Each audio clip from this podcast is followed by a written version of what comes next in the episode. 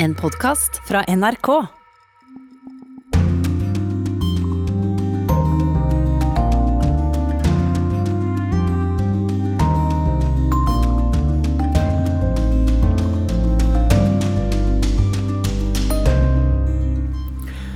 Velkommen til Urix på lørdag, her i studio Øystein Heggen. Barnetrygd i USA? Nei, det har det ikke vært. Men nå kommer noe som ligner veldig i president Joe Bidens krisepakke. Spørsmålet er om støtten til barnefamiliene blir varig. Og vi skal treffe en av jesidi-kvinnene som ble kidnappet av den islamske staten IS, og ble tvunget til å føde barn for terrorgruppa. To av de unge kvinnene ligger under en dyne, de andre sitter på sengene. Alle er oppspilte, for i morgen skal de treffe barna sine igjen, for første gang på flere år.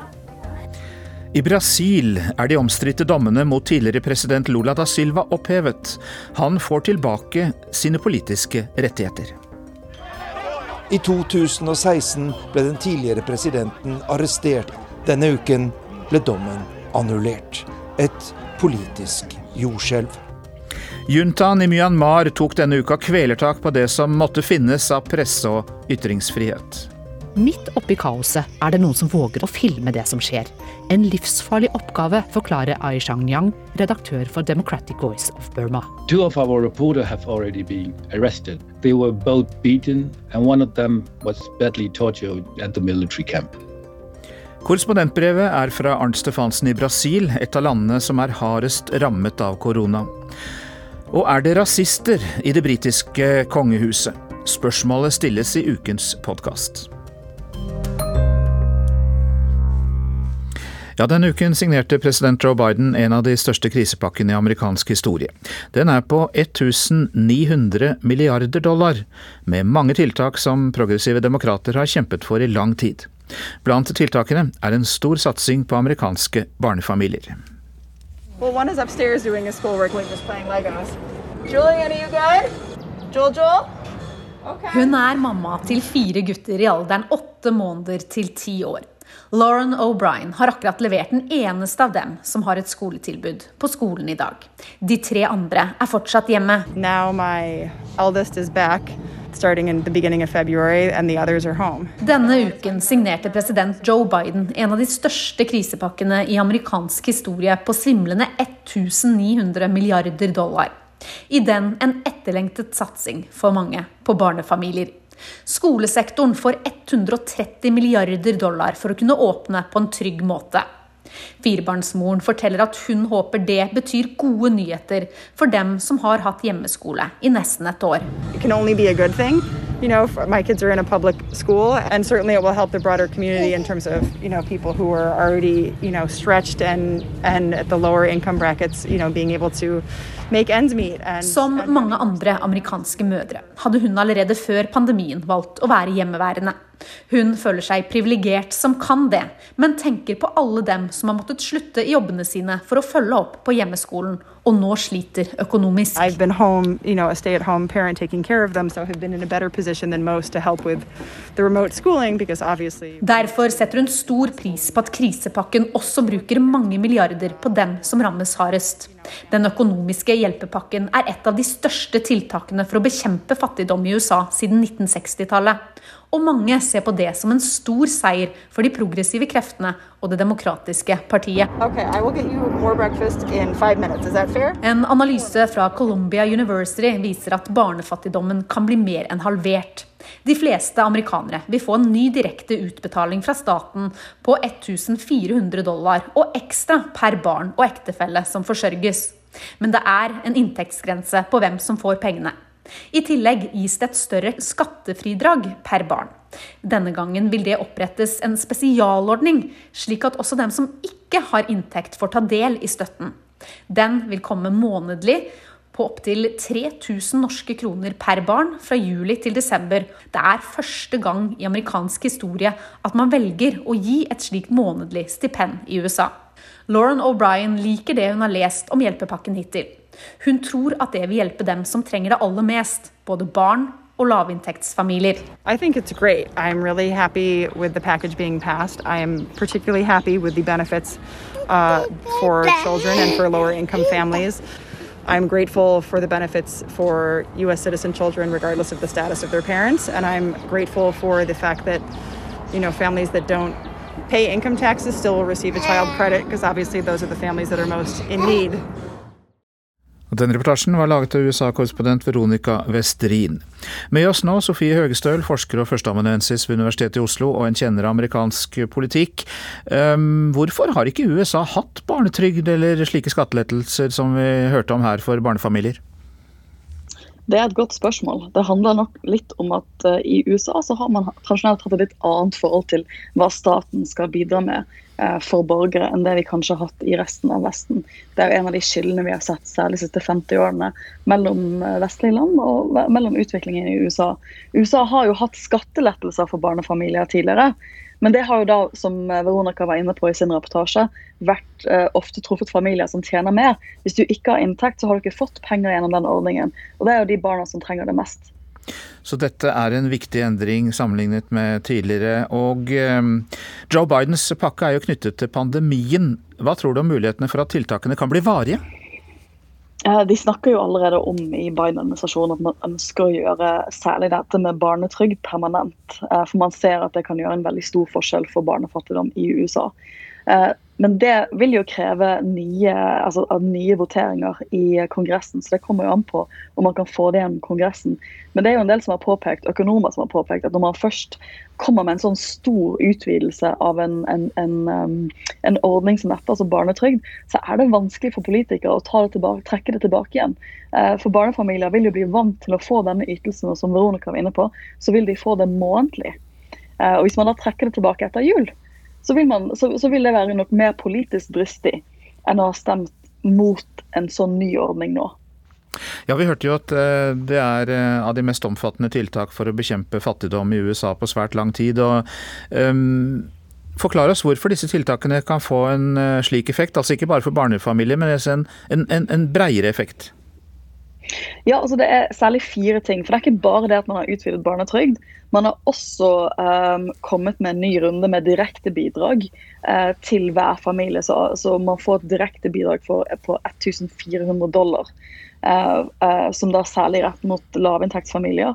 Man har også utvidet um, arbeidsledighetstrygd og man har utvidet ordninger knyttet til mathjelp, altså uh, food stamps, som er en ordning i USA for familier som ikke som man sliter med å rett og slett ha nok penger til mat. Så det er sånn flere tiltak sammen som retter seg særskilt da, mot lavinntekts- og middelinntektsfamilier, uh, som man håper samlet sett vil virkelig bidra til å løfte folk ut av fattigdom. Nå har jo demokratene knappe marginer i Kongressen, men altså da likevel klart å få gjennom denne omfattende pakken. Uh, og ikke minst i Senatet, selvfølgelig, der uh, stemmetallene er like, og at visepresidenten får den avgjørende stemmen. Um, hvordan vurderer du mulighetene for at Joe Bidens administrasjon skal klare å få gjennom andre store reformer? De har jo vist at de kan, og jeg så på pressekonferansen som Biden holdt i går for å feire dette. Eh, og Da takket han f.eks. særskilt Bernie Sanders, som jo er en mann eh, som nok er litt lenger på venstresiden enn det Joe Biden er, for å, ha hjulpet han med denne krisepakken. Og du ser at eh, Demokratene har vist gjennom denne krisepakken at de greier å holde seg samlet. Uh, spørsmålet er om de kommer til å greie det også for å gjøre mer permanente endringer. For Biden har snakket mye om at han ser på seg selv som en type sånn Franklin D. Roosevelt-president. Og Roosevelt var jo president uh, under den store the Great Depression på 1930-tallet. Eh, og Han ønsker jo, han har jo sagt at han ønsker å komme med store, varige endringer. Men det krever jo, som du sier, flertall i Kongressen. Og det krever, i og med at ingen av republikanerne stemte for denne krisepakken, så viser det jo også problemene med at da trenger man virkelig holde alle demokratene samlet for å få vedtatt sånne krisepakker. Mm. Men og Frontene har jo vært og er veldig harde da, mellom republikanere og demokrater. Eh, hva tror du da om sannsynligheten for mer enighet, tross det som har vært tilfellet i den senere tid, på tvers av partigrensene? Ja, Biden snakket jo mye om, kampanjen om at han ville jobbe med at man skulle jobbe tverrpolitisk og jobbe sammen igjen. Det har han ikke lykkes med i denne krisepakken. her, og det er nok en av de tingene han, han, han, hadde jo håpet, han jobbet jo for å prøve å få replikanerne med seg. Når det er sagt, så er det jo noen indikasjoner nå på at en del republikanere som kanskje ikke følte de kunne støtte denne krisepakken offentlig når den skulle vedtas, kanskje nå kan komme ut og si at ja, det er noen ting vi faktisk var enige om. Så vi får se om man greier å bryte opp i disse steile frontene i, eh, i månedene som kommer. Vi skal følge med i månedene som kommer, og det jeg da lurer på helt på tampen, Sofie Høgestøl, det er jo da hvilke store reformer det er viktig å følge med på. Hva er det som kommer fremover? Det er jo kanskje først og fremst å se om man kan gjøre noen av disse ordningene permanente for denne krisepakken i neste års budsjett, sånn at de også gjelder i 2022, kan bli permanente på sikt. Men det er også tenker sånn krangelen om minstelønn, som var en av de tingene man ikke fikk gjennom i denne pakken, eh, som mange progressive demokrater ønsker, den kommer nok til å vedvare. Og så er det jo å få økonomien etter korona, selvfølgelig. Ja, for dette med minstelønn, nei, bare for å ta det. Eh, der har han vel ikke full støtte blant demokratene heller, kanskje? Nei, da er det noen mer konservative demokrater, særlig i Senatet, som ikke har at de ikke ønsker å støtte en slik tiltak. Eh, og, så da, da, får man, I og med at man ikke får noe satt for replikanerne akkurat nå, så trenger man å samle alle demokratene, og da kan mer moderate demokrater blokkere en sånn type reform. Mange takk skal du ha, Sofie Høgestøl, forsker og førsteamanuensis ved Universitetet i Oslo.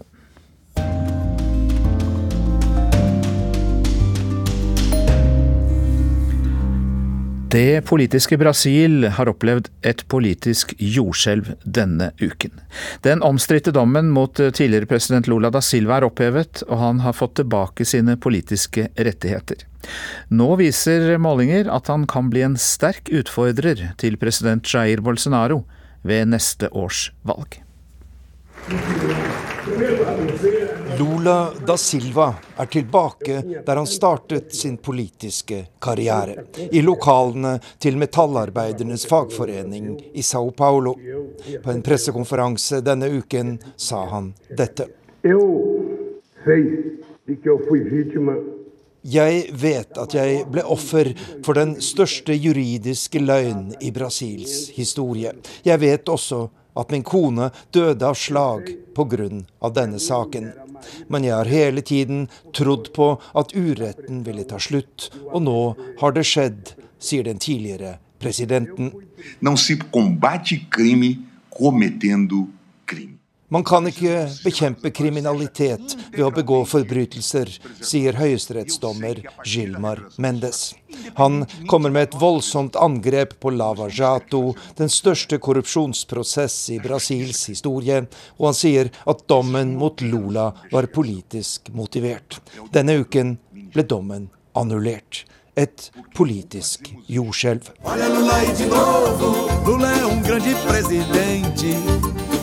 Hans liv har svingt mellom de høyeste topper og den dypeste avgrunnen. Han kom fra lutfattige kår, men steg i gradene fra skopusser til fagforeningsleder og ble president i verdens femte største demokrati. I løpet av Lula da Silvas åtte år ved makten ble 30 millioner mennesker brakt ut av fattigdom, og da han gikk av i 2011, hadde han støtte fra hele 84% av Brasils befolkning. I 2016 ble den tidligere presidenten arrestert i en spektakulær aksjon, der de største mediene var på plass og store sikkerhetsstyrker deltok. Da hadde statsadvokaten tegnet et bilde av Lola som selve edderkoppen i et kriminelt nettverk knyttet til korrupsjonssaken Lava Jato. Og to år senere ble Lola dømt og fengslet, til stor glede for mange på høyresiden. Jeg hater Lula og jeg hater Arbeiderpartiet, sier en av deltakerne i en demonstrasjon i byen Porto Alegre i det sørlige Brasil. Demonstrantene bærer bilder av den tidligere presidenten i fangedrakt, og roper slagord som 'Lula er en tyv' og hører hjemme i fengsel'. Etter 580 dager bak murene ble Lula da Silva satt fri. I første omgang pga. en endring i fengslingsreglene, men stemningen i saken hadde snudd. Stadig flere mente at dette var en politisk prosess, der målet var å hindre Lula i å stille som kandidat ved presidentvalget. Og denne uken ble altså dommen opphevet, men ekspresidenten er ennå ikke frikjent. Jeg står her Mye tyder på at denne mannen, Jair Bolsonaro, hadde tapt dersom Lula hadde fått delta i det siste presidentvalget. Nå kan det bli et oppgjør mellom de to neste år, og målingene viser at kampen kan bli jevn. Men Lula kan fortsatt bli dømt og fengslet på nytt før den tid. I mellomtiden er hans tilhengere optimister. Hvis jeg var Bolsonaro, ville jeg ha sovet dårlig. For jeg er sikker på at den 1.1.2023 må han overrekke presidentbanneret til Lula, sier den unge velgeren Julia Kopf her i Brasil. Og det var Arnt Stefansen som rapporterte fra Rio de Janeiro.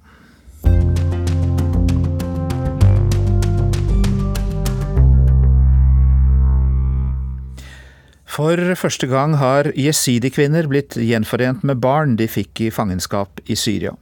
Men de unge mødrene må ta et vanskelig valg. De må velge barnet sitt eller familien sin, for eh, disse barna er ikke akseptert av jesidi-samfunnet. Vi skal treffe en av de 6000 jesidiene som ble kidnappet av IS, og som nå skal få treffe barnet hun fikk med en IS-kriger i det såkalte IS-kalifatet.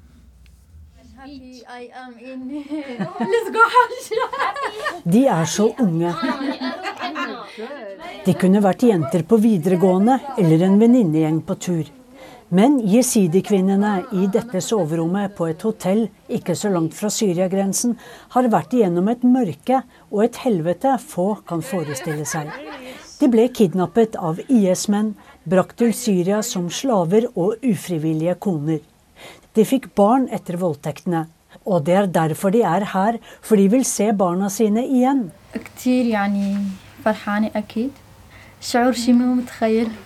Jeg kan ikke få sagt hvor glad jeg er. Jeg har ikke sett datteren min på ett år og sju måneder.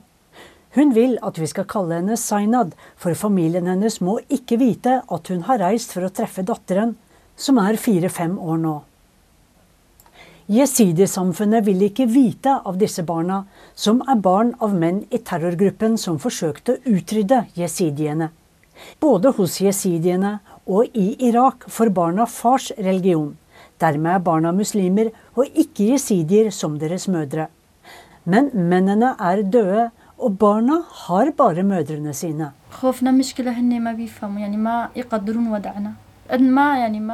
Det er så vanskelig at samfunnet vårt ikke forsøker å forstå situasjonen vår. Vi har ikke gjort noe galt, de må forsøke å forstå oss, sier hun. Hennes far er fremdeles savnet etter IS-tiden. Jeg bor med onkelen min og hans familie nå. De kommer til å nekte meg å ha et barn fra en annen religion, sier hun. Siden IS falt, har barna vært på barnehjem i Syria, mens mødrene ble fraktet hjem til jesidi-samfunnene sine i Nord-Irak. Jeg treffer Zainad med kolleger fra Sveriges Radio og New York Times. Vi sitter i dette soverommet. To av de unge kvinnene ligger under en dyne, de andre sitter på sengene. Alle er oppspilte, for i morgen skal de treffe barna sine igjen, for første gang på flere år. Gjenforeningen er mulig takket være den svensk-kurdiske legen Nemam Ghafouri fra organisasjonen Join Help for Kurdistan og den tidligere amerikanske diplomaten Peter Gelbrett, som har gode forbindelser til Det hvite hus. Ni mødre skal møte i alt tolv barn ved den irakisk-syriske grensen. Men når mor og barn er gjenforenet, må de reise ut fra Irak. Det er ikke plass for dem i dette samfunnet. Hun vil til Canada, for der er broren hennes. Han ønsker at jeg kommer, men han vil ikke vite av barnet mitt. Han sier han vil drepe datteren min om jeg tar henne med til Canada. Zainad, som har på seg et langt svart skjørt, en wienerrød genser og et hvitt og svartrutete sjal, står overfor et dramatisk valg. Hun må velge den lille datteren sin eller moren og familien sin. Jeg er 23 år nå. Foreldrene våre mener at vi tilhører dem, men barna våre tilhører oss. Dette er så vanskelig, men jeg har allerede bestemt meg. Datteren min trenger mammaen sin. En av de andre jesidi-kvinnene bryter inn. I tre dager har jeg ikke kunnet spise eller drikke pga. moren min. Hun kommer til å dø om hun får vite at jeg skal gjenforenes med barnet mitt. For hun frykter jesidi-samfunnets reaksjon. Men jeg er også mor nå, og jeg vet hvordan moren min elsker meg. Fordi jeg vet hvordan mødre føler det, sier kvinnen i mørkebrun kjole. Hun gråter. Zainad forteller oss om livet under IS skrekkregime. Faren til barnet mitt døde under et bombeangrep i Baghuz. Han var fra Syria. Jeg var helt alene med datteren min i ørkenen etterpå. Det fantes ingen steder å søke tilflukt, men jeg greide å grave et lite hull der vi to kunne gjemme oss.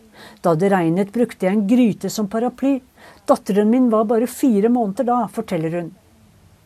Hun kom seg videre, banket på en dør og fikk være hos en syrisk familie som ikke var IS-folk. Men huset deres ble bombet, og alle i familien ble drept, unntatt henne og en voksen sønn. De to flyktet videre med datteren, men han skulle senere bli drept av en snikskytter. Veien tilbake til Irak var blodstenket. Hun ble satt i fengsel der hun forsøkte å ta livet sitt.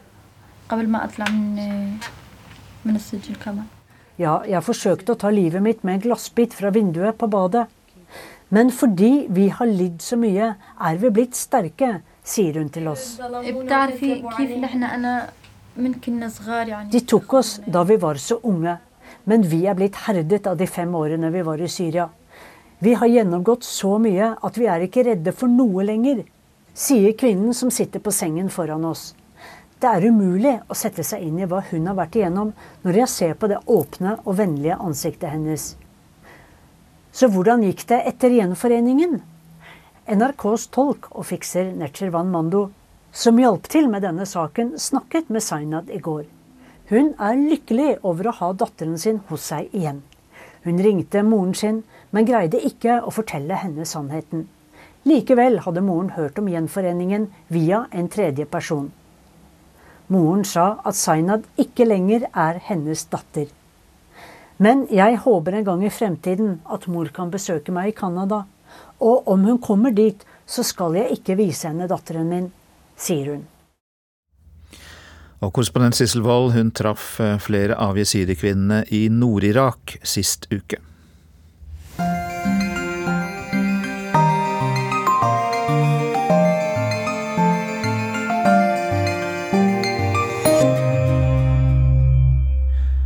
Minst tre demonstranter ble natt til i dag drept da sikkerhetsstyrker i Myanmar åpnet ild mot aktivister som trosset portforbudet for å minnes de døde. Det skjedde i Myanmars største by, Yangon, ifølge lokale medier. Ja, Militærjuntaen fortsetter å stramme grepet for å slå tilbake demonstrasjonene som har oppstått etter militærkuppet 1.2. Denne uken med det som nærmest er et kvelertak på det som måtte finnes igjen av presse- og ytringsfrihet.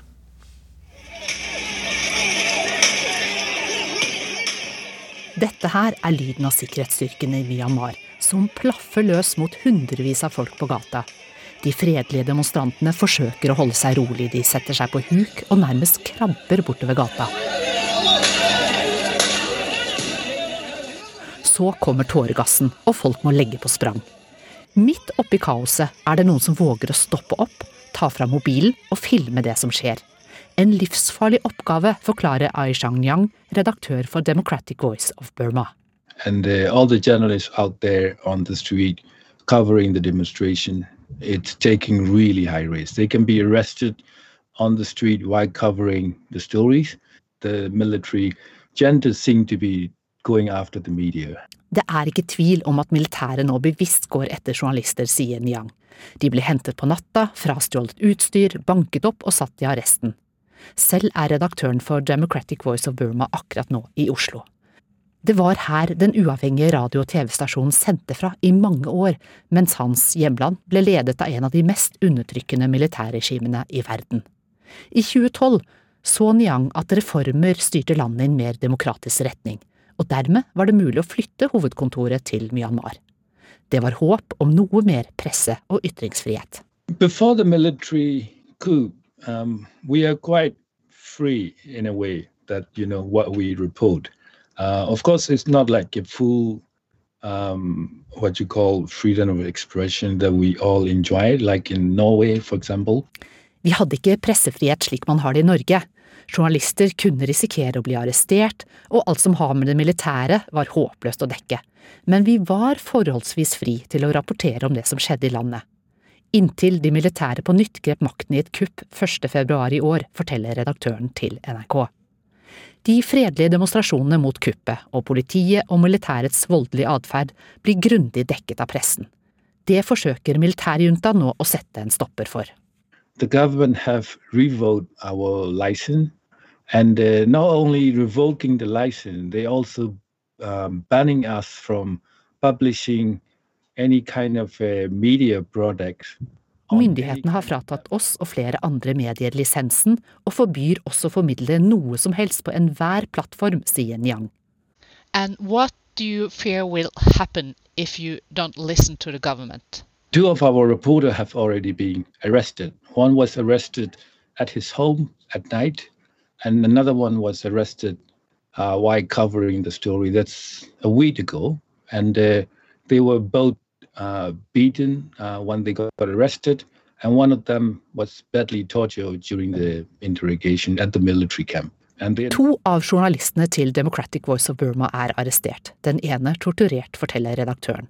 De føyer seg inn i rekken av minst 38 journalister som er arrestert så langt, og situasjonen for folk flest er enda verre. Minst 70 mennesker, de fleste under 25 år, er ifølge FN drept siden 1. februar, og mer enn 2000 er arrestert.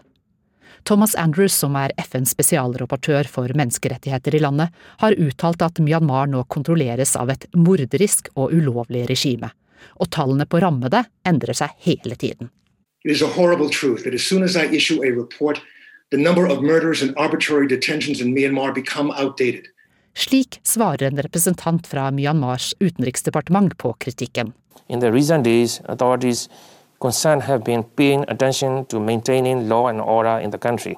Mens myndighetene påstår at de først og fremst er opptatt av å opprettholde lov og orden, er redaktøren for Democratic Voice of Burma opptatt av hvordan de skal få ut informasjon om hva som foregår, og på det punktet er han optimistisk.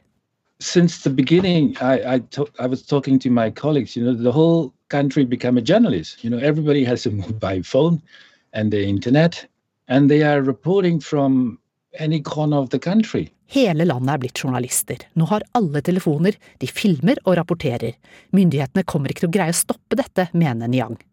Og så må vi ikke glemme at folk nå drives av kraften som heter frihet, forteller redaktøren til NRK. People have tasted what the freedom is, and that's kind of taken away from them uh, quite freshly. And I don't think people will accept it. Det sa Ai Shang-yang, redaktør for Democratic Voice of Burma, og reporter var Anja Strønen.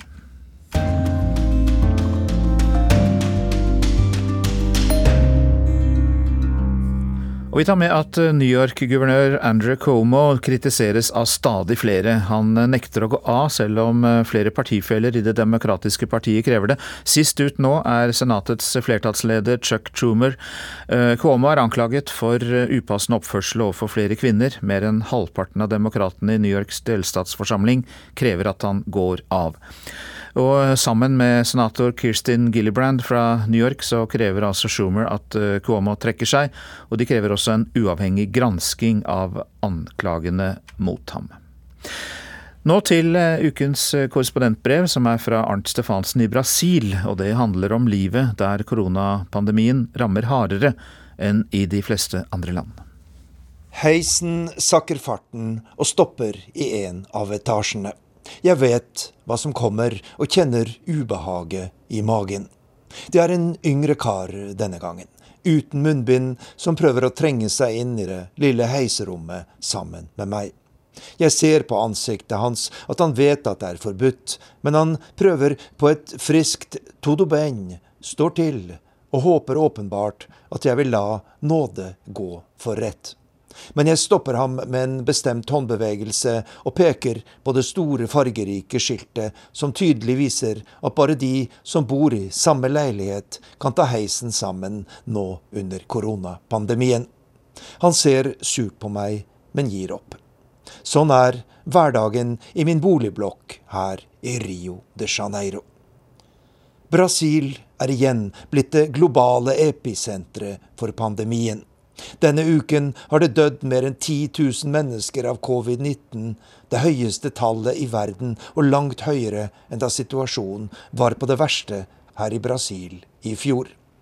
Det offentlige helsevesenet kneler under presset, og daglige rapporter forteller om redselsscener i sykehusene rundt om i landet.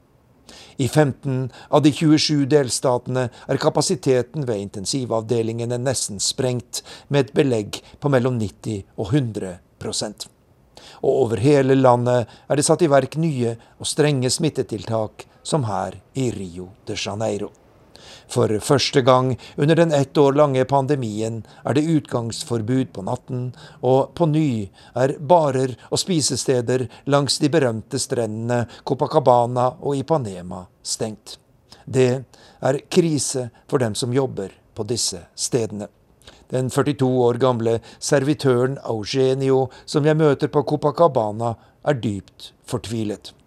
Jeg står nå uten inntekt, med en familie å forsørge. Jeg aner ikke hvordan vi skal klare oss, sier han. Og han mener at tiltakene både er ukloke og urettferdige. På dette stedet har vi strenge smitteverntiltak med avstand mellom bordene, og det er ikke vi som har skylden for at smitten har eksplodert de siste ukene, sier han bittert. Det siste har han nok helt rett i. Sommermånedene januar og februar er den viktigste ferietiden i Brasil, og folk har latt sikkerhet være sikkerhet og stimlet sammen på strender og andre hyggelige møtesteder. I år ble riktignok karnevalet avlyst, både her i Rio og i andre byer, men brasilianerne har kastet seg ut i sambaen på private fester der koronaviruset har spredd seg med voldsom fart. Situasjonen er altså nå verre enn noen gang siden pandemien startet, og en viktig grunn er det fryktede mutantviruset P1, som oppsto i Amazonas-hovedstaden Manaus og nå har spredd seg til store deler av Brasil. Det brasilianske viruset, som i går også ble oppdaget i Norge, er mer smittsomt enn det vanlige, og eksperter hevder at det har smittet mange som har hatt covid-19 tidligere. Personlig kjenner jeg nå på noe av den samme dødsangsten som under de første ukene av pandemien. Med mine snart 68 år er jeg i risikogruppen, og jeg aner ikke om jeg vil overleve en koronainfeksjon i en by der både offentlige og private sykehus i praksis er fulle. På min PC har jeg de siste ukene hatt liggende et dokument med navnet NB vaksine. Det inneholder en liste med datoer for når de ulike aldersgruppene skal vaksineres her i Rio. På lista står det at min dato er den 31. mars, og jeg har for lengst sjekket ut hvor beboere med mitt postnummer skal melde seg for å få sin vaksine. Men denne uken kom den dårlige nyheten. Nok en gang er det tomt for vaksinedoser, og det er nå helt i det blå når jeg kan få en ny mulighet. Til nå er bare drøyt 2% av Brasils 212 millioner innbyggere fullvaksinert, og drøyt 5% har fått den første dosen. Den gode nyheten er at stadig flere brasilianere nå sier at de vil la seg vaksinere. Mens det i desember var bare 65% av befolkningen som ville ta vaksinen, er tallet nå økt til nærmere 90 til og med president Jair Bolsonaro, som har bagatellisert pandemien og vært imot alle smittetiltak, snakker nå pent om vaksinen. Nylig fortalte han en i og for seg søt historie om sin 93 år gamle mor og Linda, som nå er fullvaksinert mot covid-19. Men det han ikke fortalte, er hvilken vaksine som ble brukt. Det var nemlig den kinesiske Coronavac som presidenten av ideologiske grunner i fjor sa nei til å importere til Brasil. Men etter at regjeringens planer slo feil, er det i all hovedsak Coronavac som er gitt til de nærmere ti millioner brasilianerne som er vaksinert de siste ukene. La min mor være i fred, sier presidenten surt når mediene med ikke liten skadefryd rapporterer om saken. Men det viktigste her i Brasil nå er den uhyggelige situasjonen landet står oppe i. Mens koronaviruset sprer seg som aldri før, går vaksineringen i dette kjempelandet med sneglefart. Og jeg er sikker på at millioner av brasilianere nå stiller seg det samme spørsmålet som meg. Er det viruset eller vaksinen som vil treffe meg først?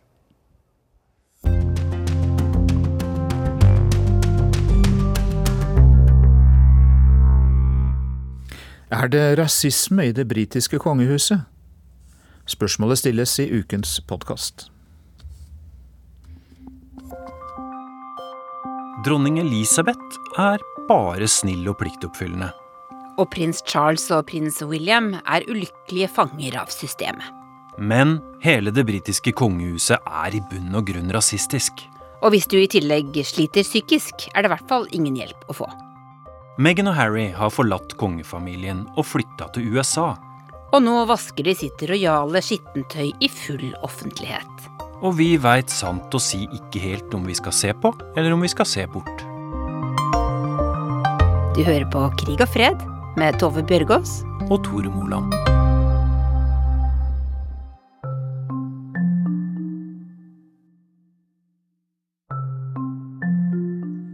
your dad stopped taking your calls. Why did he stop taking your calls? Because I took matters in by that point I took matters into my own hands. It was like I need to do this for my family. This is not a surprise to anybody. It's really sad that it's got to this point, but I've got to do something. Jeg tror først og fremst at det er litt trist. Ja. Jeg, jeg syns det er trist uh, å se at uh, de har det så vondt, for det har de åpenbart. Eh, det er liksom en kontrast der når du ser eh, prins Harry gå rundt i høye slagstøvler i hønsegården eh, de har anlagt i Los Angeles der, og, og si at vi har det kjempebra, vi lever nå det livet vi ønsker, samtidig som de i intervjuet helt åpenbart er veldig såre for både brutte familiebånd og den skuffelsen de har opplevd ved håndteringen kongehuset har hatt av, av dem og det de har møtt, da. Og særlig det Meghan har møtt på innsiden av eller da hun kom til Storbritannia. Eh, det er trist at en familie skal oppleve sånne ting, og så syns jeg vel helt personlig at det er litt trist at det er en eh, skittentøysvask som må ut i det offentlige. Jeg skjønner at noen av poengene er så viktige og store at de må uh, tas opp, men det er en del av de mer private sidene her som jeg tror kanskje både Harry, Meghan og resten av familien hadde tjent på at det ikke ble sagt så høyt. Jeg heter Gry Blekastad Almås, jobber som programleder i Urix på NRK. Så er jeg også forhåndværende og kommende korrespondent i London. Så har jeg skrevet en bok om Storbritannia. So when I ask the question, why did you leave? The simplest answer is Lack of support and lack of understanding. Gry, du har sett hele Opera Winfrey-intervjuet. Hva er de mest oppsiktsvekkende påstandene som kommer fra Harry og Meghan? Påstanden om rasisme eh, i kongehuset, eller blant kongehusets medlemmer, er oppsiktsvekkende disse opplevelsene av isolasjon og øh, trøbbel med psykisk helse, øh, og hvor man ikke får lov til å søke hjelp, øh, og hvor viktig det er å søke hjelp, er selvfølgelig et paradoks og en veldig alvorlig side ved dette intervjuet. Kanskje de to tingene spesielt. For the family, they very much have this mentality is just how it is. This is how it's meant to be. You can't change it. We've all been through it.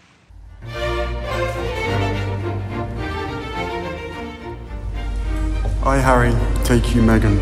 I, Meghan, take you, Harry. I therefore proclaim that they are husband and wife. Stemningen var euforisk da prins Harry giftet seg med Meghan Markle i 2018. For første gang sang et gospelkor i et kongelig bryllup i Storbritannia. So darling, darling,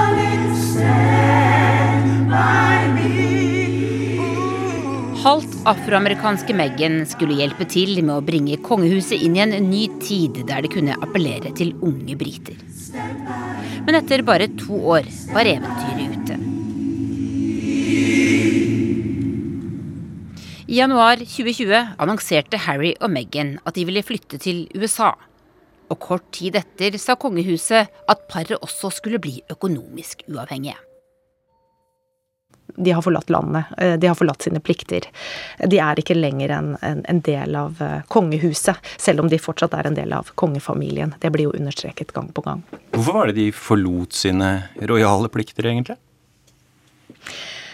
Det som eh, blir eh, forklart i dette intervjuet, er jo at det ble uholdbart, eh, særlig for Meghan og å leve på den måten. Hun ble jo utsatt for utrolig mye hets i britiske tabloide aviser og i den kulørte pressen.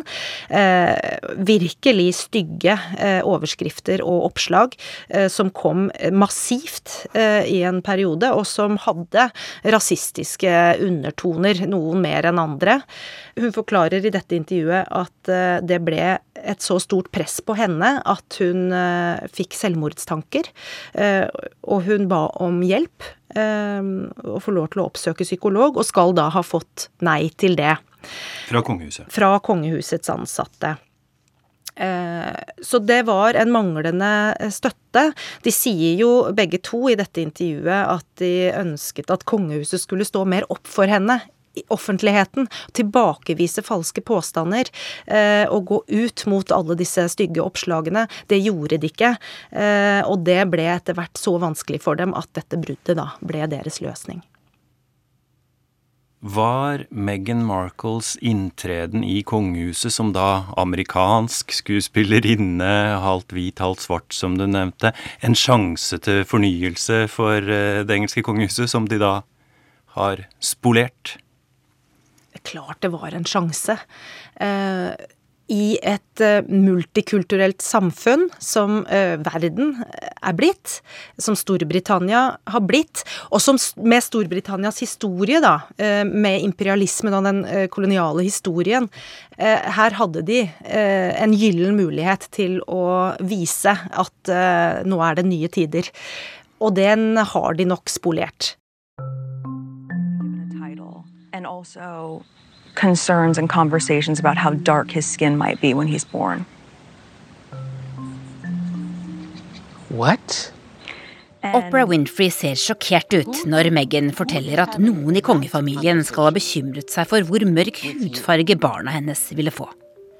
Hvem som skal ha sagt dette, vil verken hun eller Harry fortelle. Hold up, hold up. There's Stop several right now. There are several conversations. There's a about conversation it. with you with Harry about how dark your baby is going to be? Potentially, and what that would mean or look like. Ooh. Men utsagnet er den største bomben i intervjuet til Opera, og har fått stor oppmerksomhet, ikke minst i USA. Er kongefamilien rasistisk? Var det virkelig så vanskelig for dem å akseptere et medlem med en anelse mørkere hudfarge, undrer kommentatorer. I was very interested in this interview because I'm black and I'm British, and I was interested to hear about Meghan Markle's experience. I'm also a huge fan of Oprah Winfrey, um, and it was most certainly one of the sort of big media moments of the year, but with serious or potentially serious uh, social implications. That was my interest. My name is Karina Wint. I was born in London and I now live in Norway. I've lived here altogether for six or seven years over the last 10 years. What did you make of the Meghan and Harry interview, Karina? There was nothing that really surprised me about the revelations, about how they had been treated, about the racism. As a black British person, that wasn't really a surprise. I was surprised that Oprah was surprised.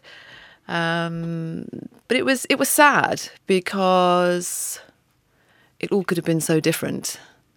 Um, and I think I think there's a lot of respect for the Queen. I'm not necessarily uh, a royalist, but I think she does a great job. I think her work ethic is amazing. Who really be wants wants to be working when they're 90 plus, but she's still doing it. But it seems that there's a little bit of a disconnect. I felt a little bit embarrassed. I think as an institution, if it had been any other organisation, you'd be saying there's room for improvement. The racism bit is a is a major point for you. Do you think the British monarchy is inherently racist? I think they're a reflection of the wider society, and in that sense, yes, uh, I think they probably are. Um, when you listen to what Meghan and Harry were saying, if you believed them, which I did, there is definitely some ignorance and discrimination there. Um, any more or less in the wider society? Probably not. Could they change? Absolutely. Should they change? Yes, because they're representative of the country. I think it should it should reflect that. Mm. Do you identify uh, with Meghan Markle in a way? Absolutely. Um, um, not a duchess, not an actress. Have been a waitress. Um, no, but as you know, as a as a black woman, yes, I, I, I do, and I I've experienced that feeling of being excluded, of being discriminated against, um, and it's something that you know is irrational, but you always try to explain, even though you know it's irrational. So the idea that she was in that position she was new to the UK, um, and the sort of barrage of abuse that she received from the media um, and from individuals. I mean, I can't imagine how awful that must have been. But obviously, you know, for me as an ordinary individual, I, I didn't have the kind of level of abuse um, that she has experienced. But yes, it exists. And here was a fairy story that, that everybody wanted to work. And so Intervjuet prinsesse Diana ga til BBC i 1995 slo ned som en bombe i det britiske kongehuset. Alt var plutselig lov å spørre om, og prinsessen snakket om spiseforstyrrelser, om depresjon og om mannens utroskap. it was, uh, it was isolating, but it was also um, a situation where you couldn't indulge in feeling sorry for yourself. You had to either sink or swim. Som Meghan Markle hadde hun giftet seg inn i kongefamilien. Som Meghan Markle sa hun at ingen hadde forberedt henne på hva det egentlig innebar. Og også Meghan fortvilte hun over at alt hun gjorde ble mat for tabloidpressen. 26 år senere sier sønnen, prins Harry, at han har vært redd for at historien nå skal gjenta seg. And what I was seeing was history repeating itself, but more perhaps, or definitely far more dangerous because then you add race in and you add social media in. And when I'm talking about history repeating itself, I'm talking about my, my mother.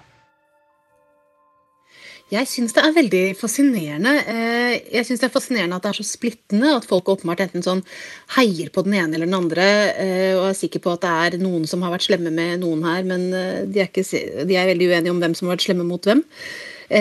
Selv tenker jeg at dette for det første handler om historien som gjentar seg. altså Det er mye ved dette som minner om tidligere skuffede prinsesser, og da kanskje da særlig prinsesse Diana, som har kommet ut av huset Windsor og hatt et veldig sterkt behov for å fortelle om akkurat hvor dårlig behandlet eh, hun har blitt. Og så er det jo også igjen et vitnesbyrd om det veldige spenningsfeltet mellom institusjon og enkeltindivid her.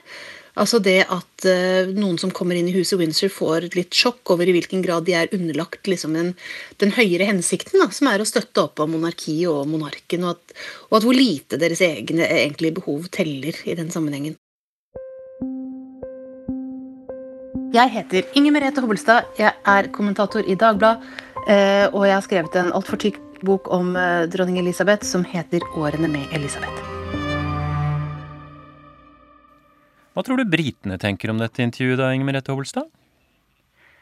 Jeg tror i alle fall britene er langt mer splittet enn hva amerikanerne er. Altså Hvis du leser mottakelsen av dette intervjuet i USA, eh, så er man jo stort sett forferdet over den eh, undertrykkende og fordomsfulle eh, britiske eh, monarkiske institusjonen. Eh, hvis du leser i Storbritannia, der man er vant til å ha monarkiet rundt seg på en annen måte, så vil meningene være langt mer delt. Eh, det vil selvfølgelig være mange som, som mener at eh, Meghan og Harry er blitt urettferdig behandlet, og, og, gjør absolutt rett i å snakke ut mot en forsteinet eh, institusjon. Men så vil det også være de som, som mener at dette er et slags svik. Da. Altså at, at kongehuset er styrt av, av, plikt, og plikt overfor folket, overfor visse nasjonale verdier, ikke minst overfor monarken. Og at dette å gå rundt og ut, ut og utlevere de andre på denne måten er noe man burde, burde latt være. This is Good Morning Britain with Piers Morgan and Susanna Reid. Good Morning Britain er frokost-TV på kanalen ITV. Og det har ikke vært så koselig som det pleier å være der denne uka. I'm angry to the point of bawling over today. I'm sickened by what I've just had to watch. Okay, a number you know, you of people might, be, no, no. might be upset Sorry, you can and come moved to, you can defend it in a minute. Nå er jeg så sint at jeg holder på å koke over, sier programlederen Piers Morgan før han langer ut mot Meghan og Harry. This is a two-hour trashathon of our royal family, of the monarchy, of everything the Queen has worked so hard for, and it's all being done as Prince Philip lies in hospital. Mm -hmm. Morgan mener dronningen og monarkiet og alt de står for, blir dratt ned i søla i intervjuet de to har gitt. Og dagen etter ble det enda verre. Okay, I'm done with this. No, no, no. Sorry, no. Uh, Sorry. So, do you know what? That's pathetic. You can trash me, maybe not my no, no, no, no. See you later. I'm, I'm being... Sorry, can't do this. Da stormet Piers Morgan ut av studio under sending. Og så fikk han sparken. Og jeg syns også at man merker i de to landene da, en stor forskjell på synet i hva kongelige er. Altså du kan si at for, for, amerikanere så fremstår det som det kongelighet eh, impliserer at du er en slags megakjendis. da, Med omtrent de samme forventningene, frihetene, eh, mulighetene som hva en vanlig kjendis har. Men, men, hvis man er vant til å leve i et gammelt monarki, så vet man jo at det å være kongelig er noe radikalt annet. ikke sant? At det er noe der du forventes å, å være representativ, eh, der det at du er finansiert av det offentlige Eh, gjør at, at, det legges ganske sterke føringer på hva du har lov å si og mene eh, offentlig. Eh, og at folk på en måte har rett til å være litt sinna da, hvis de føler at de kongelige ikke lever opp til de, de, standardene de kanskje forventer, med tanke på hvilke ressurser de, de gir dem. Da. så her ser du en ganske tydelig opinionsforskjell. Hvem er det som kommer best ut av denne historien, da, Inger Merete Hobbelstad, hvis noen i det hele tatt kommer godt ut av det? Altså, Akkurat nå så kan det jo virke som eh, Harry og Meghan har lykkes i det de, de, prøvde på, men jeg tenker jo litt at på lang sikt så skal man ikke undervurdere huset Windsor, altså.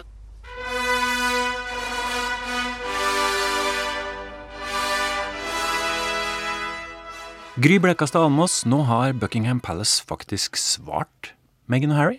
Hva sier de? Med 61 ord så har de svart på det som var et to timer langt eh, intervju. Eh, det er en skriftlig uttalelse eh, fra dronning Elisabeth som egentlig sier fire ting. Det ene er at hun er veldig trist over å høre at Harry og Meghan har hatt det så vanskelig. Det andre er at det fins ulike versjoner av denne påstanden om en samtale som skal handle om sønnen Archies hudfarge. Om rasismeanklagene, rett og slett? Riktig. Eh, og det tredje er at det eh, ser de alvorlig på, og det skal håndteres privat. Eh, og det fjerde er at hun er veldig glad i denne familien, Harry og Meghan og Archie og det ennå ufødte barnet som kommer, og alltid vil være det. Hvordan skal vi tolke dette, da? De sier de skal håndtere det privat, eh, og det tyder vel på at det ikke kommer noe mer ut eh, offentlig, med mindre den håndteringen fører til noen endringer, eh, formelle endringer i regelverk eller annet. I så fall vil vi med tid og stunder få høre om det. Hvor står monarkiet i Storbritannia etter dette? Er det skada? Ja. Monarkiet i Storbritannia står sterkt. Eh, men denne eh, saken, dette intervjuet, disse poengene med særlig mer rasisme, eh, tror jeg skader kongehuset. Jeg ser jo at republikanere, selv om det ikke er mange i Storbritannia, er ute og benytter denne sjansen til å si at Elisabeth er Elisabeth the Last. Når hun dør, så bør kongehuset parkeres. Men om de får eh, mer støtte kanskje for det nå etter dette intervjuet, ja. Men om de får eh, nok støtte for det, det tror jeg ikke noe på. Hva har vi lært av denne uka, Inger Merete Hobbelstad? Vi har lært at noen ting aldri forandrer seg. At livet på innsiden av huset Windsor er et veldig tøft liv. Eh, det krever eh, helt andre ting av deg enn hva noe annen posisjon eller jobb eh, krever. Det er en institusjon som på mange måter henger fast i sine, sine måter og idealer å gjøre ting på, og at det kan være en barsk seilas for, for noen hver. Og, det, og på en måte er det Eh, også veldig mange snakker om dette intervjuet er så sjokkerende. Jeg syns ikke det er sjokkerende i det hele tatt. Jeg tenker at dette skjer med jevne mellomrom. Det har skjedd før, og det kommer til å skje igjen.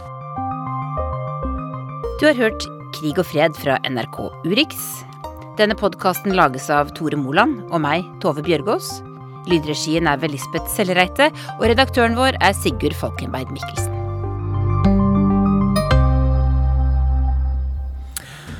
Og denne utenrikstimen på P2 var i dag laget av teknisk ansvarlig Finn Lie, produsent Idun Lavik og i studio Øystein Heggen.